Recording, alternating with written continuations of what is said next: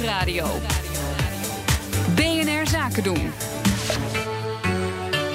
Ondernemersdesk. Hard werken loont, maar het moet wel leuk blijven. Daarom iedere vrijdag de Ondernemersdesk Werkgeluk vol tips en advies om je personeelsbestand gelukkig te houden. Collega's. Voor mij het allerleukste aan het hele werken. Je kunt er zo lekker mee scrummen, vergaderen, roddelen, koffie drinken en natuurlijk borrelen. Maar soms dan werkt iemand me op de zenuwen. En daar ben ik vast niet alleen in. Dus ik besloot mij even dienstbaar op te stellen met iets nieuws. Het Ondernemersdesk collega frustratiemeldpunt. En daar kwam meteen een heleboel binnen. Ik heb echt een bloedhekel aan mensen die praten in kantoorclichés.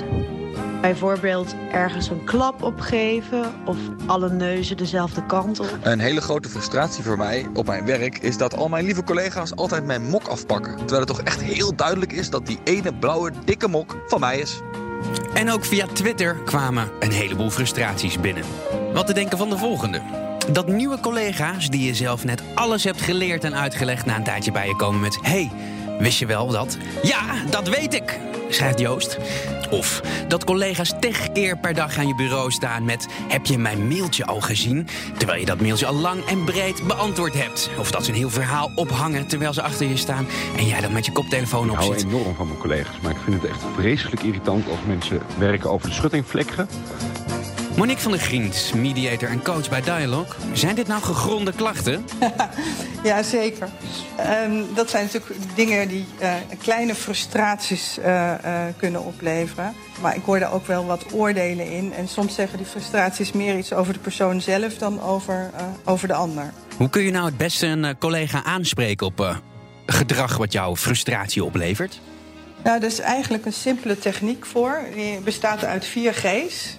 En ehm, eh, dat is dat je eh, eerst het gedrag van eh, de collega zo concreet mogelijk zonder oordeel benoemt.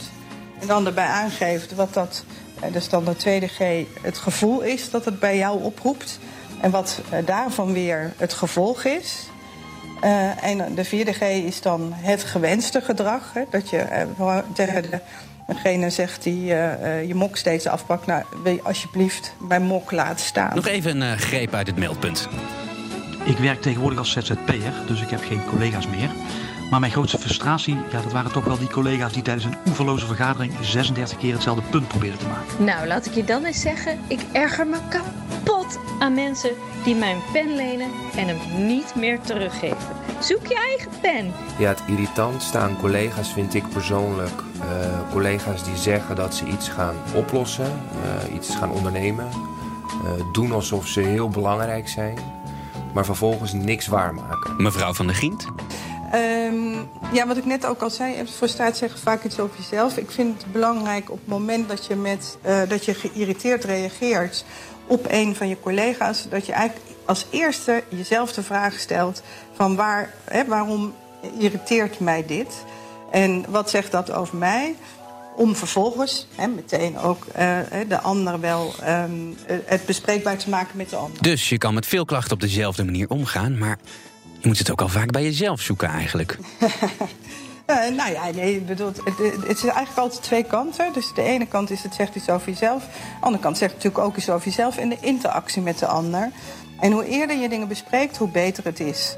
En ehm, eh, wat natuurlijk heel vaak gebeurt in de irritaties... is dat je het eh, niet met degene zelf bespreekt, maar juist met de collega. Vind jij dat nou ook zo? En dat die ander steeds in dit kantoorjargon praat of noem maar op.